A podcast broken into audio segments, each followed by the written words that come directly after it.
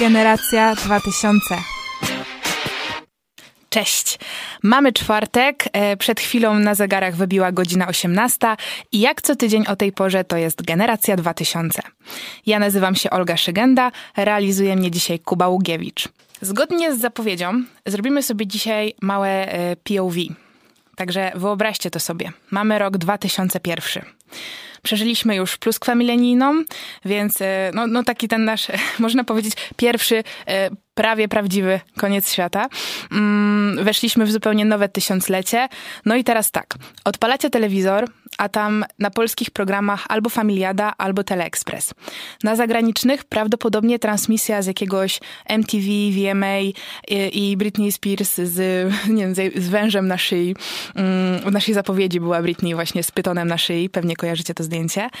E, jak włączycie radio, to jak będziecie przeskakiwać po kolejnych kanałach, to prawdopodobnie nie jesteście w stanie nie trafić na któryś z boys bandów, ponieważ po sukcesie NSYNC i Backstreet Boys e, z przełomu właśnie 1999 i 2000 roku, tych boys bandów namnożyło się e, no niemożliwie. Można powiedzieć, że wyrastały po prostu jak grzyby po deszczu, było ich strasznie dużo, ale większość z nich to raczej takie no-name'y, mm, raczej może, może jakieś jednostrzałowce, nic takiego już konkretnego. Sukcesu NSYNC i Backstreet Boys już żaden nie powtórzył. Um, jeżeli chodzi o kolorową prasę, no to tam też było dużo ciekawych rzeczy, bo y, tam królowały rubryki towarzyskie i plotkarskie, więc można było y, trafić na jakieś doniesienia o kolejnych romansach, nie wiem, J-Lo, Britney, albo, y, albo na psychotesty, psychotesty jakieś takie, czy, czy pasujecie do Johna Mayera, na jego kolejną wielką miłość. Mm, no tak to wtedy wyglądało, ale jest to też rok, w którym rozpoczęła się wielka legenda Adama Małysza, ponieważ na samym początku, jeszcze w styczniu, jako pierwszy Polak wygrał turniej czterech skoczni. Mm, no i właśnie, jak jesteśmy przy sportowcach, to jeszcze warto wspomnieć o tym, że właśnie w 2001 roku mała Iga Świątek stawiała pierwsze kroki na świecie mm, i jeszcze pewnie wtedy nikt nie, nikomu nie przyszło do głowy, że za parę lat będzie się interesowała paletkami i cały świat będzie o niej mówił. Mm, no i właśnie, w 2001 roku pojawiają się też pierwsze iPady, towar luksusowy i taki chyba e, jeszcze wtedy w ogóle mało dostępny. Nawet później był bardzo taki. E, nie wiem, ekskluzywny, ale, ale, ale na samym początku to w ogóle był praktycznie nie do dostania. Mm, no i 2001 rok wydaje mi się, że wydarzenie jedno z ważniejszych powstaje Wikipedia, czyli y, wielojęzyczna encyklopedia internetowa. No, można powiedzieć, źródło wiedzy wszelakiej. Chyba każdy student się ze mną zgodzi, że w teorii wiemy, że Wikipedii nie można ufać w 100%, ale no niech pierwszy rzuci kamieniem ktoś, komu nigdy e, ta Wikipedia nie uratowała skóry w ostatniej chwili. Mm, śmiało można powiedzieć, że jest to początek nowej ery. E, a jak już jesteśmy no właśnie, przy nowej erze i przy tym roku. Ja wiem, że y, zaczęło się miło, fajnie i brakatowo, ale jak już mówimy o 2001 roku, no to nie sposób nie wspomnieć o bardzo ważnym wydarzeniu. Bardzo ważnym, ale równie ważnym co tragicznym, bo jest to wydarzenie, które wstrząsnęło całym światem i wydaje mi się, że sprawiło, że cały ten świat na moment się zatrzymał. Mowa oczywiście o zamachu na World Trade Center w Nowym Jorku. Zamachu, w którym, w wyniku którego zginęły tysiące ludzi. No i w ułamku sekundy cały ten doczesny świat zmienił się o 180 stopni. Po zamachu prezydent Stanów Zjednoczonych George Bush wypowiedział wojnę terrorystom. No i samo to wydarzenie odcisnęło ogromne piętno e, nie tylko na ludziach, którzy tego doświadczyli czy byli świadkami, ale generalnie na całym świecie. I też bardzo często w twórczości wielu artystów ten motyw się przewijał, ponieważ właśnie wtedy powstawały piosenki, utwory, wiersze, filmy mm, dedykowane ofiarom e, zamachu, e, też takie upamiętniające to wydarzenie. Między innymi utwór, który za chwilę usłyszymy, ale nie wiem, nie wiem jak wy. Ja jak byłam dzieckiem i słyszałam go w radiu, to wydawało mi się, że to jest zupełnie utwór o zupełnie czymś innym, taki, taki raczej lekki, raczej przyjemny. E, dopiero w momencie, kiedy wsłuchałam się w tekst, poznałam kontekst, no zdecydowanie inaczej zaczęłam go odbierać. Dlatego, jeżeli do tej pory tego nie robiliście, to może teraz wam się uda, e, a jeżeli nie, no to po prostu posłuchajcie go po raz kolejny. Teraz będzie Black Eyed Peas i Where is the Love. To był utwór Where is the Love zespołu Black Eyed Peas. Jak już wcześniej powiedziałam, utwór powstał krótko po tragicznych wydarzeniach w Nowym Jorku. E, w tekście słychać, e, no właśnie ten powtarzany lęk, który był bardzo widoczny w społeczeństwie po wydarzeniach z 11 września. Mm, zresztą jeden z muzyków Black Eyed Peas, Will.i.am, wspomina, że właśnie tego dnia był w Nowym Jorku i widział e, samolot, pierwszy samolot przebijający wieżę World Trade Center e, ze swojego okna i jak sam mówi, myślał, że to po prostu jest film. Było to tak nierealne. Mm, w utworze, który przed chwilą słyszeliśmy, gościnnie występuje Justin Timberlake. E, on też pomagał go stworzyć, ale jako, że Justin wtedy e, rozpoczął swoją solową karierę, no to ten udział, jego udział przy tym utworze jest w zasadzie taki symboliczny, bo wytwórnia po prostu nie zgodziła się na więcej. Mm, jak wszyscy już doskonale wiemy, to co się wtedy wydarzyło w Nowym Jorku odcisnęło ogromne piętno właśnie na artystach, między innymi właśnie na artystach. E, I to nie jest jedyny utwór, który powstał, który nawiązuje do tego, co się stało. Między innymi zespół The Cranberries nagrał utwór pod tytułem New New York, w którym e, opisują to, jak, wygląda, jak, jak wygląda miasto bezpośrednio po, za, po zamachu. E, w zasadzie niby zniknął z mapy tylko jeden budynek, ale jak sami oni tam mówią, to miasto po prostu stało się zupełnie innym miejscem. No i, i, i tak właśnie było, zmieniło się zupełnie wszystko.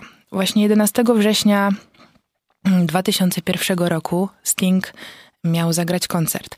Koncert, który miał być e, nagrany i wydany w formie płyty, no ale jak dowiedział się o tym, co się wydarzyło, no odmówił, e, nie chciał tego robić, bo ani to nie była, e, ani to nie była okazja, ani atmosfera. Bardzo, bardzo trudny moment dla wszystkich. Ale jak wiemy, koncert, zorganizowanie koncertu, zwłaszcza nagrywanego, no to nie jest proste wydarzenie, proste przedsięwzięcie i jego współpracownicy e, odmówili mm, tego, żeby, żeby, żeby móc przełożyć to na inny, na inny dzień, więc koncert musiał dojść do skutku, ale właśnie ten koncert, właśnie tę płytę Sting zadedykował ofiarom zamachu. Mm, temat przewijał się jeszcze w innych utworach na przestrzeni wielu kolejnych lat.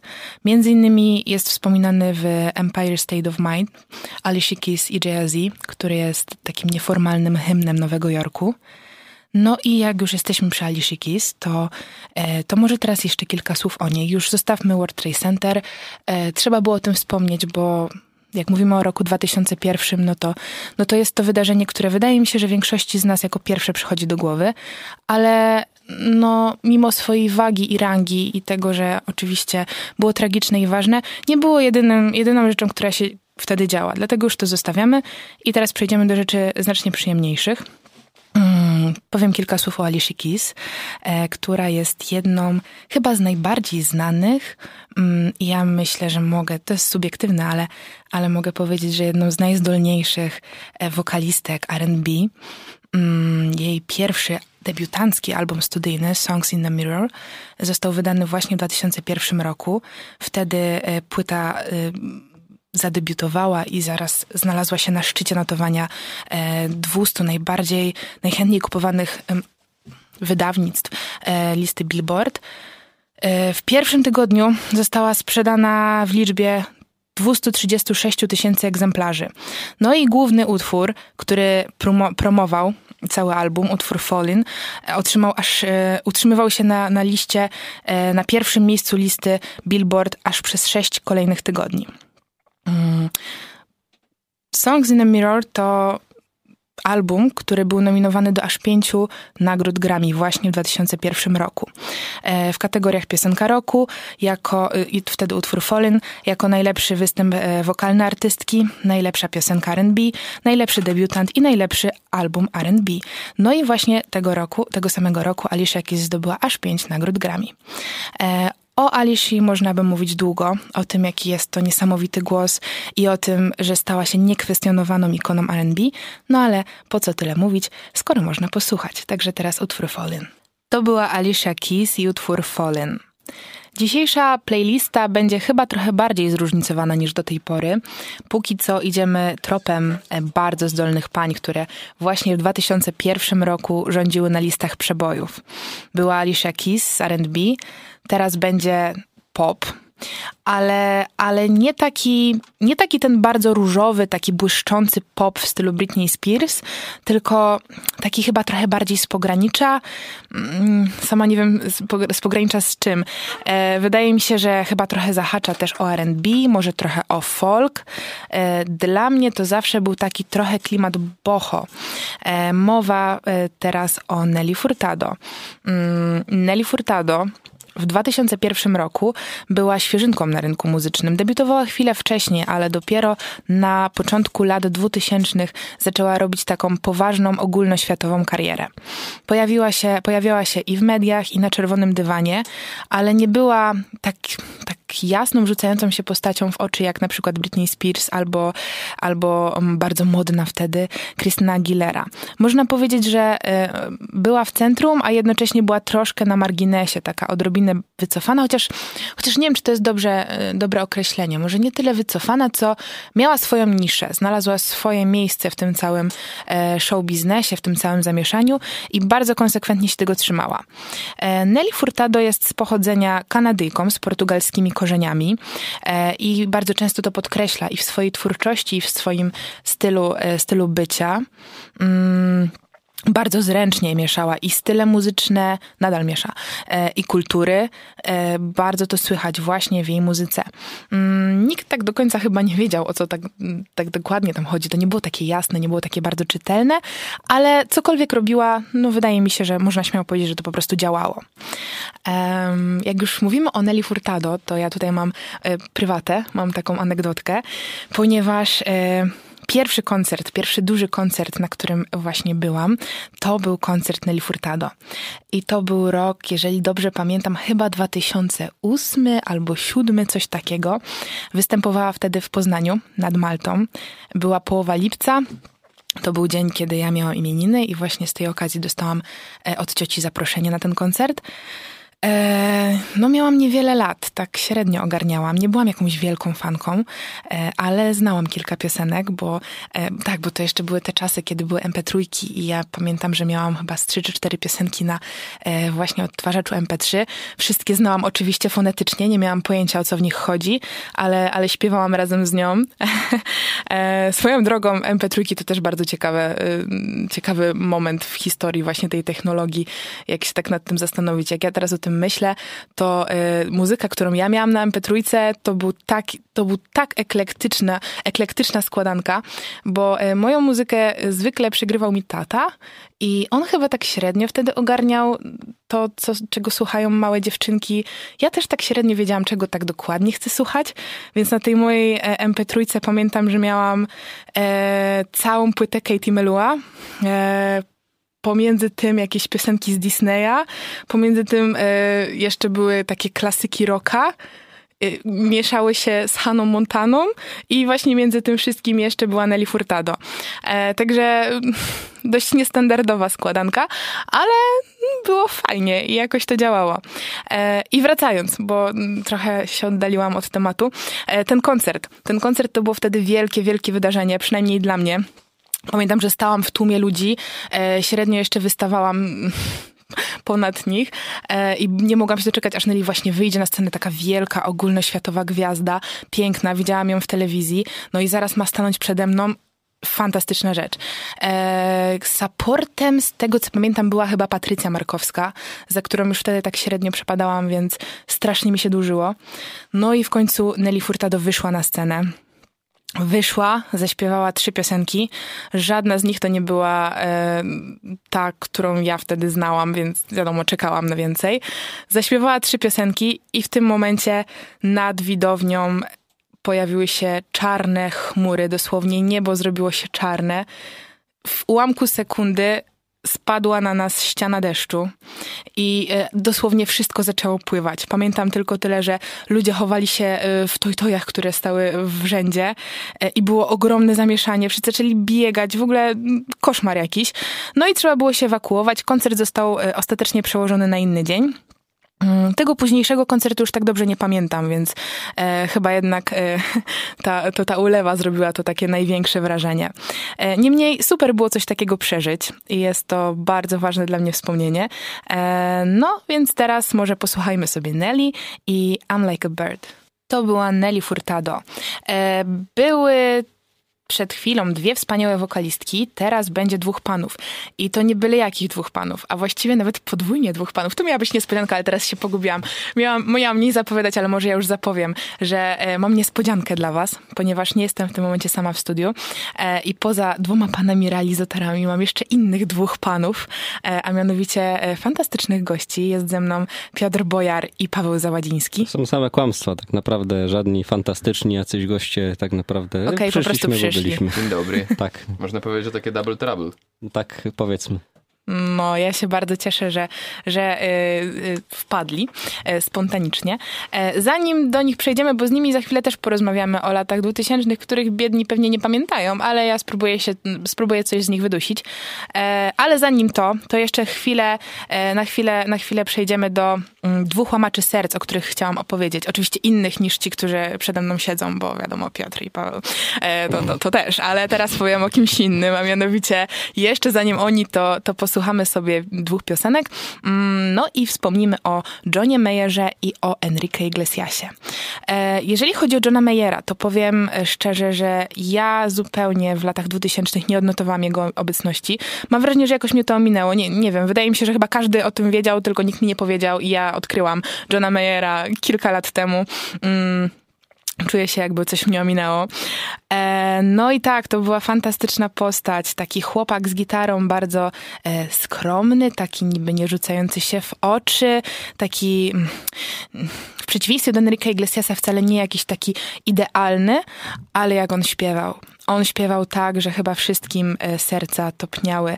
No i sam e, był też, już pomijam fakt, e, że praktycznie chyba cały świat, wszystkie panie i pewnie nie tylko marzyły o tym, żeby dotrzeć do serca Johna Mayera, ale on sam też był bardzo kochliwy. Dlatego, że właśnie w latach dwutysięcznych, no można powiedzieć, że zgarnął najlepsze partie z Hollywood.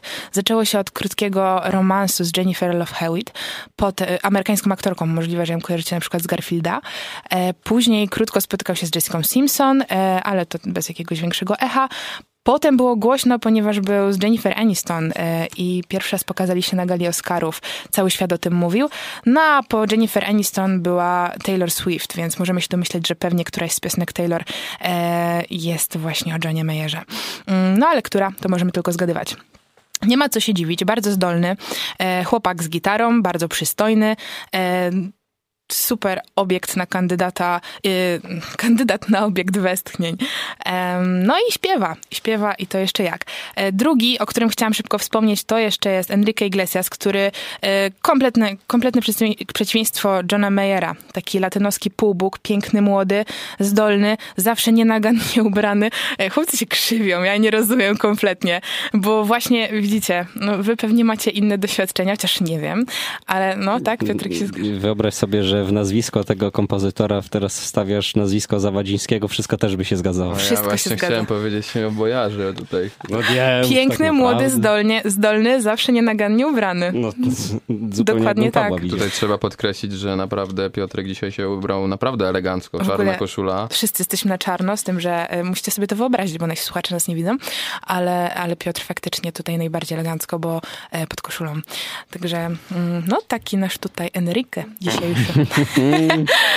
zaraz mogę zaśpiewać. No dawaj. Nie, to nie jest nowy pomysł, bo zaraz ludzie uciekną. Ale to była atrakcja. No może kiedyś uda się go namówić. No więc właśnie, Enrique Iglesias w 2001 roku też debiutował. Na początku wydawał płytę po hiszpańsku, e, potem za namową między innymi Willa Smitha e, nagrał płytę po angielsku i, i co? No i osiągnął ogromny, ogólnoświatowy sukces. Enrique Iglesias, syn Julia Iglesiasa, bo o tym nie wspomniałam. Czy wy kojarzycie Julia Iglesiasa? Nie kojarzę. To takie bożyszcze właśnie jak Enrique, bo to jego ojciec, ale kilku wcześniejszych pokoleń Chyba cały świat y, wariował. Które lata? No słuchaj, świetności to ja myślę, że jakieś 80, coś koło tego. No to pewnie gdzieś jakbym usłyszał, może bym skojarzył. No Julio Iglesias, legenda. Legenda. No, e, no dobrze, no to e, ja, jak wspomniałam, bardzo się cieszę, że mam tutaj gości. Teraz posłuchamy, posłuchamy sobie szybko Johna Mayera i utwór Your Body is a Wonderland, a po utworze pogadamy z chłopakami może trochę o filmach. A czemu nie? Okej, okay, do usłyszenia. To był John Mayer, a wysłuchacie Generacji 2000. Jak zapowiadałam przed przerwą, e, będzie teraz o łamaczach serc i mamy tutaj dwóch w studiu. E, przypomnę, Piotr Bojar, Paweł Zawadziński są moimi gośćmi w tej chwili. No więc, e, chłopcy, ja bym bardzo chciała wiedzieć, e, Chciałam zapytać, co, co, pamiętacie z roku 2001, ale biorąc pod uwagę, że jeden z was miał 3 lata, a drugi rok, to pewnie niewiele pamiętacie. To razem 4. Razem 4 lata, to tyle, ile ja miałam. No nieźle. No ale dobra, e, to nie będziemy wyciągać wspomnień, ale możemy porozmawiać na przykład o filmach, które powstały właśnie tego roku.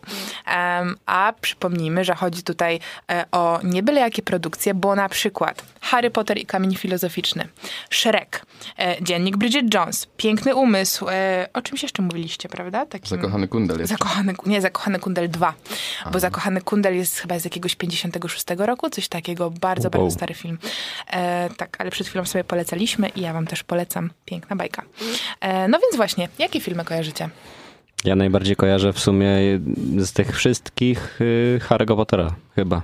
Znaczy, kojarzę mhm. bardzo dużo tych filmów. Helikopter w ogniu jeszcze powstał w 2001 roku. Swoją drogą. Że nigdy nie oglądałam Helikoptera w ogniu. Polecam. Chociażby dla jestem, Ewana McGregora. No właśnie, jak jestem w domu, e, to mam wrażenie, że jak skaczę po kanałach, e, to za każdym razem gdzieś, gdzieś leci. Po prostu ja cały czas widzę, że gdzieś jest i zawsze trafiam na jedną i tą samą scenę i zawsze mi się wydaje, że już widziałam ten film i, a tak w sumie, jak się nad tym zastanawiam, to nie mam pojęcia o czym jest, więc chyba go jednak nie widziałam. Ale domyślam się, że jest tam jakiś helikopter i prawdopodobnie płonie. A nawet y, w oryginale to jest Black Hawk Down, to znaczy generalnie nazwa tego helikoptera nawet się pojawia w oryginalnym tytule. Niestety w przetłumaczeniu zrezygnowali z tego zabiegu i nazwali helikopter w ogniu. I myślę, że to nawet całkiem spoko takie przetłumaczenie, ale... Bardzo chwytliwe, łatwiejsze tak. do zapamiętania. Zgadza się. E, a powiedzcie, jesteście fanami Harry'ego Pottera? No, oj tak tak? Ja tak. Paweł nie? Nie, nie, Paweł, Paweł. Ale dobra, dobra, ale widziałeś? No tak, oglądałem wszystkie części. Wszystkie części. Tak. Dobra, i nie przekonujecie. No, ja powiem, jakie uniwersum bardziej mnie przekonuje. Tak, wszyscy wiemy, że chodzi tutaj o Transformers. Oczywiście, chodzi o Marvel, tak. Co? nie, myślałem, że chodzi... Nie, nieważne. No mi się zawsze wydawało, że nie ma osoby, która nie lubi albo nie zna Harry'ego Pottera, a ostatnie kilka miesięcy zweryfikowało bardzo te moje przypuszczenia, bo okazuje się, że jednak sporo osób albo nie widziało, albo nie przepada. Mm, dla mnie to taki klasyk jednak. No, tak samo klasykiem można byłoby nazwać w sumie najlepszą ekranizację Wiedźmina. 2001 roku. Chodzi nam oczywiście o tego polskiego z Michałem Żebrowskim w roli głównej. Tak, tutaj petycja e, o to, żeby Henry'ego Cavilla zastąpić Michałem Żebrowskim. Ewentualnie Tomaszem Karolakiem. tak. E, a widzieliście tego nowego Wiedźmina? Nie. Ja widziałem pierwszy sezon, mhm. pamiętam, bo na niego czekam dosyć długo. Widziałem, jaka jest obsada i wiedziałem mniej więcej, czego się spodziewać po tym filmie. Ostatecznie niestety się mocno po pierwszym sezonie aż tak się nie zawiodłem, ale patrząc, spekulując na to, jak będzie wyglądać kolejny sezon, ja już wtedy wiedziałem, że ja do tego sezonu w ogóle nie przysiądę, nie będę go oglądał i tak naprawdę powstał już trzeci sezon. Mhm. Tak, trzeci tak, tak. sezon już powstał. I ja do teraz nie oglądałem niczego poza tym pierwszym i nie mam zamiaru tego zmieniać, bo wiem po prostu, że dla mnie jako dla fana Wiedźmina to jest trochę taki pstryczek w nos i to takim dosyć dużym pstryczkiem. Czyli, yy, czyli słuchaj, bo nie wiem, czy nasi słuchacze wiedzą, chociaż chyba, chyba wszyscy już gdzieś trafili na te informacje w internecie, że y, czwarty sezon Wiedźmina ma się odbyć z innym aktorem grającym Wiedźmina. Y, dlatego, że Henry Cavill powiedział, że mm, scenariusz jego zdaniem za bardzo odbiega od tego, co było w książkach y, i jemu się ten pomysł nie podoba, dlatego rezygnuje. Mm, czyli rozumiem, że ty jesteś po tej samej stronie. Ja jestem... Lepiej jakby się zmienili scenarzyści niż aktor. Myślę, że tutaj nawet chyba sama showrunnerka powinna zostać zmieniona. I mm. reżyser, i scenarzysta, i generalnie cała obsada osób, które tworzą ten serial, bo dla mnie, jako dla osoby, która wie, czego się spodziewać, czytając książki, grając w gry i tak, gry to mm -hmm. jeszcze bym tak poszedł na ten, w takim kierunku, że nie brałbym ich aż tak nadto pod uwagę, ale sam, same książki i to wszystko, co już zostało wtedy stworzone, cała ta obsada jakby przygotowana, no to jest dla mnie trochę bolesne, że w taki sposób poszedł ten serial, bo pierwszy sezon obejrzałem cały praktycznie w jeden dzień, wtedy kiedy była premiera na, na Netflixie w 2020 bodajże albo 2019 roku. Mhm. I od tamtego czasu no, miałem bardzo złe wspomnienia z tym serialem, chociaż pierwszy sezon nie był aż tak zły, bo nie miałem żadnych oczekiwań, ale wiem, że drugi sezon po tym pierwszym to już będzie tragedia, ale no tu to nie chodzi o gadanie o Wiedźminie, więc... Czyli co, trzymamy się wersji, że jednak y, stare lepsze, tak. 2001 rok rządzi i wersja polska z Żebrowski. Michałem Żebrowskim tak. top. Najlepsze. No dobra, to zostawmy Wiedźmina i pogadajmy o Szereku. E, Paweł, mm, jakby nie jesteś fanem Harry'ego Pottera, to może chociaż Shreka. ja nie powiedziałem, że nie jestem, ale generalnie jeżeli chodzi o Shreka, to Chyba jedynka najlepsza, co? No właśnie chciałam zapytać. Jedynka, dwójka, mm. czy może mniej popularna wersja któraś y, z Nie. późniejszych? No na pewno, na pewno, na pewno czwórka odpada, bo tak, tam już tak. takie zawiłowania w akcji mm były. Tam już to, troszeczkę za dużo science fiction no, było. Y, już tym, kiedyś w generacji rozmawialiśmy troszkę o, y, zresztą też z Pawłem, o, o filmach i tutaj redaktor Adamczewski miał bardzo niepopularną opinię, a mianowicie to, że trójka jest super. Moim zdaniem nie. Znaczy, mogę bronić trójki, bo ona była całkiem spoko i w ciekawy sposób napisana, w ciekawy sposób poprowadzona. Była ta fabuła generalnie od samego początku do końca. Jakby moment y, śmierci króla. Yy... Jak się nazywało? Jak się to nazywało to miejsce, ten, ten, to e, królestwo? Za siedmiogórogród. Za, tak, za siedmiogórogród. Yy, śmierć króla w postaci żaby, no i wybór następcy tronu w postaci Artura, który był synem bodajże. Ty, Oj, on był pamiętam. synem tej wróżki. Tak, nie. nie? synem wróżki to był ten na a, koniu, dobra, ten, ten, wiesz, ta, no, faktycznie. No, a, książę z bajki. Książę z bajki, no tak. I ciekawy sposób było to poprowadzone, w ciekawy sposób nie, to no, zostało ja, ja wymyślone. Nie, to było złe, ale Wiadomo, inaczej dwójka, na to oglądamy. Dwójka to. Tak, tak, no dwójka. W dwójce była fajna ścieżka dźwiękowa. Tak, Oj, super tak. była. E, Ricky Martin. E, tak, jeszcze była... Ale nie e, tylko, w ogóle świetna muzyka. Też tak. jedna piosenka z Davidem Bowiem. Ani The Hero było jeszcze. E, tak, o, też to super. Tam były takie hity, Country że Kraus. to naprawdę jakby tak. ten Shrek drugi tak naprawdę mocno ukształtował ten gust muzyczny, jaki mam do teraz tak naprawdę, więc... No to mogło być gorzej zdecydowanie. No. Całkiem fajna muzyka. No tak, no, zawsze Swoją mogłem oglądać drogą, jakieś... Tak sobie kiedyś myślałam, że e, to też byłaby fajna audycja, właśnie Generacja 2000 z muzyką za Shreka, bo e, podczas jednej z poprzednich audycji przewinęły się dwa utwory, ale to mało, tam było naprawdę tak dużo fajnych kawałków. Ale to byś że... musiała całą audycję o Shreku zrobić wtedy. No, Żaden ale problem. to jest do zrobienia. No, jeszcze o tych zimowych wersjach też. O, to Nie, widziałam, o, widziałam tylko tak, jedną. Ja tak też. mi się wydaje, jak Shrek miał strasznie dużo dzieci. I Pada Shrek. Tak, no. Pada Shrek. Coś takiego było. to się nazywało. Świetne to jest. Ale to nie było długie, chociaż pamiętam jeszcze... Nie, to miałem... takie 20-minutówki Tak, chyba, nie? 6, 7, 8 lat pamiętam na TVN-ie, kiedyś tak były te zapowiedzi dosyć często tych y, filmów, seriali i tak dalej, to pamiętam właśnie godzina 20, pada Shrek i akurat tak na święta i tak mi się z tym kojarzy do dzisiaj. Mm, e, tak, to ja też widziałam tylko właśnie Pada Shrek, ale to było super i w ogóle wszystkie te takie wersje świąteczne, tych jakieś Kung Fu Panda chyba też była, Madagaskar, jeżeli dobrze kojarzę.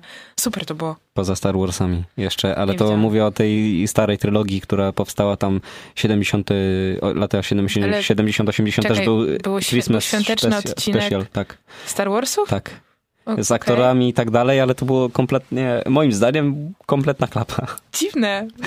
Ciekawe, ale to jest, dziwne. Znaczy, to jest niepopularne dosyć, ludzie o tym zapominają, ale sam fakt, że coś takiego powstało, ale tego się nie za bardzo dało oglądać. Znaczy, moim zdaniem. Mhm. To jest tylko i wyłącznie moje zdanie. A były Transformersy świąteczne? Właśnie chciałem powiedzieć, że powstają zabawki teraz, takie, które mają świąteczne motywy. I na przykład jeden Transformer zamiast strzelbie ma taki ten lizak taki długi, nie? No to już wiemy, co e, pan e, redaktor Paweł Zawadziński mógłby chcieć dostać na święta. Zapraszam do kupna. Dostaniesz lizaka co najwyżej. Może być. Ej, lepsze coś niż nic. E, dobrze, to e, posłuchajmy jeszcze chwilę, przez chwilę e, muzyki. Teraz mm, myślę, że będzie Enrique Iglesias i Hero, które zapowiadałam wcześniej, bo jeszcze e, nie wiedziałam, że będziemy mieć gości. E, także posłuchajcie piosenki, która e, dla mnie, u mnie wywoływała szklące się oczy przez pewnie pół mojego życia, bo jest taka śliczna i Enrique tam śpiewa, że I can be your hero, baby. Także posłuchamy teraz i za chwilę wracamy, jeszcze chwilę sobie z chłopakami porozmawiamy. Jesteśmy z powrotem. Ze mną w studiu Paweł Zawadziński, Piotr Bojar. Przed momentem rozmawialiśmy o filmach z 2001 roku, o Shreku, troszkę o Harrym Potterze. E, Czy jest jeszcze coś, co wspominacie właśnie z okresu dzieciństwa? Może, może właśnie z tego konkretnego roku, może gdzieś blisko? Potwory i spółka. Widzieliście? No oczywiście. Tak, żeby tylko raz. Ekstra. Przynajmniej tutaj y, doczekałam się podwójnego entuzjazmu. Mike, Wazowski, Sali i reszta potworów, które znajdują się w tym filmie. Dobra, no a oglądaliście teraz, czy jak byliście mali? Jak byliśmy, jak, przynajmniej ja oglądam jak byłem mały. Ja nadrabiałem zaległości z dzieciństwa jakoś rok temu chyba. Dobra, to, to jest pytanie trochę bardziej do Pawła, ale Piotrek, może, może Znaczy, do ciebie też. Chciałam zapytać, No.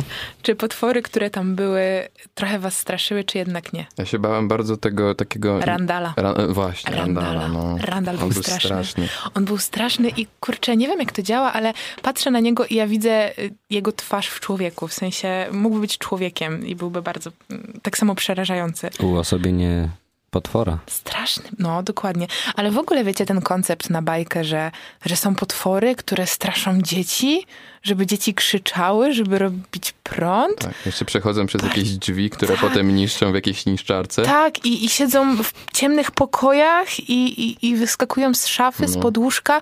To jest dokładnie wizualizacja koszmaru każdego małego dziecka.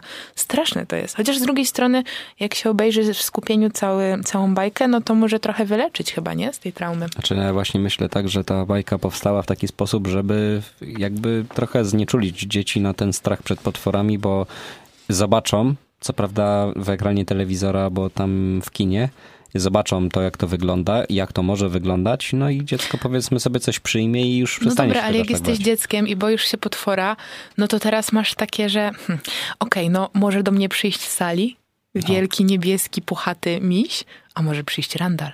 I już nie będzie tak No kolorowo. ale jak zobaczysz, jak ktoś skończył, to wtedy wiesz, że nie może przyjść. No dobra. No.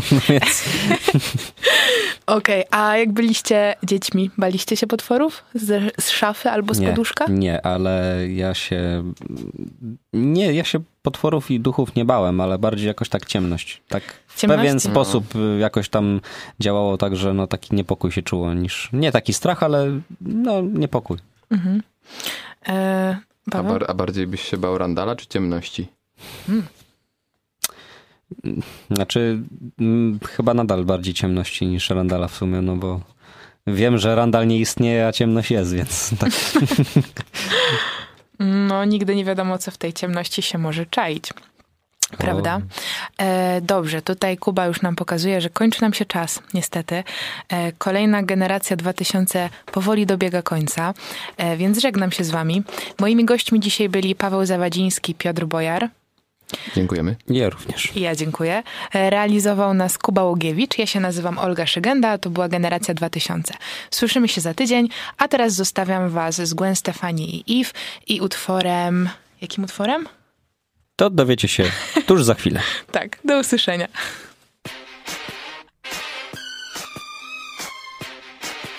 Generacja 2000.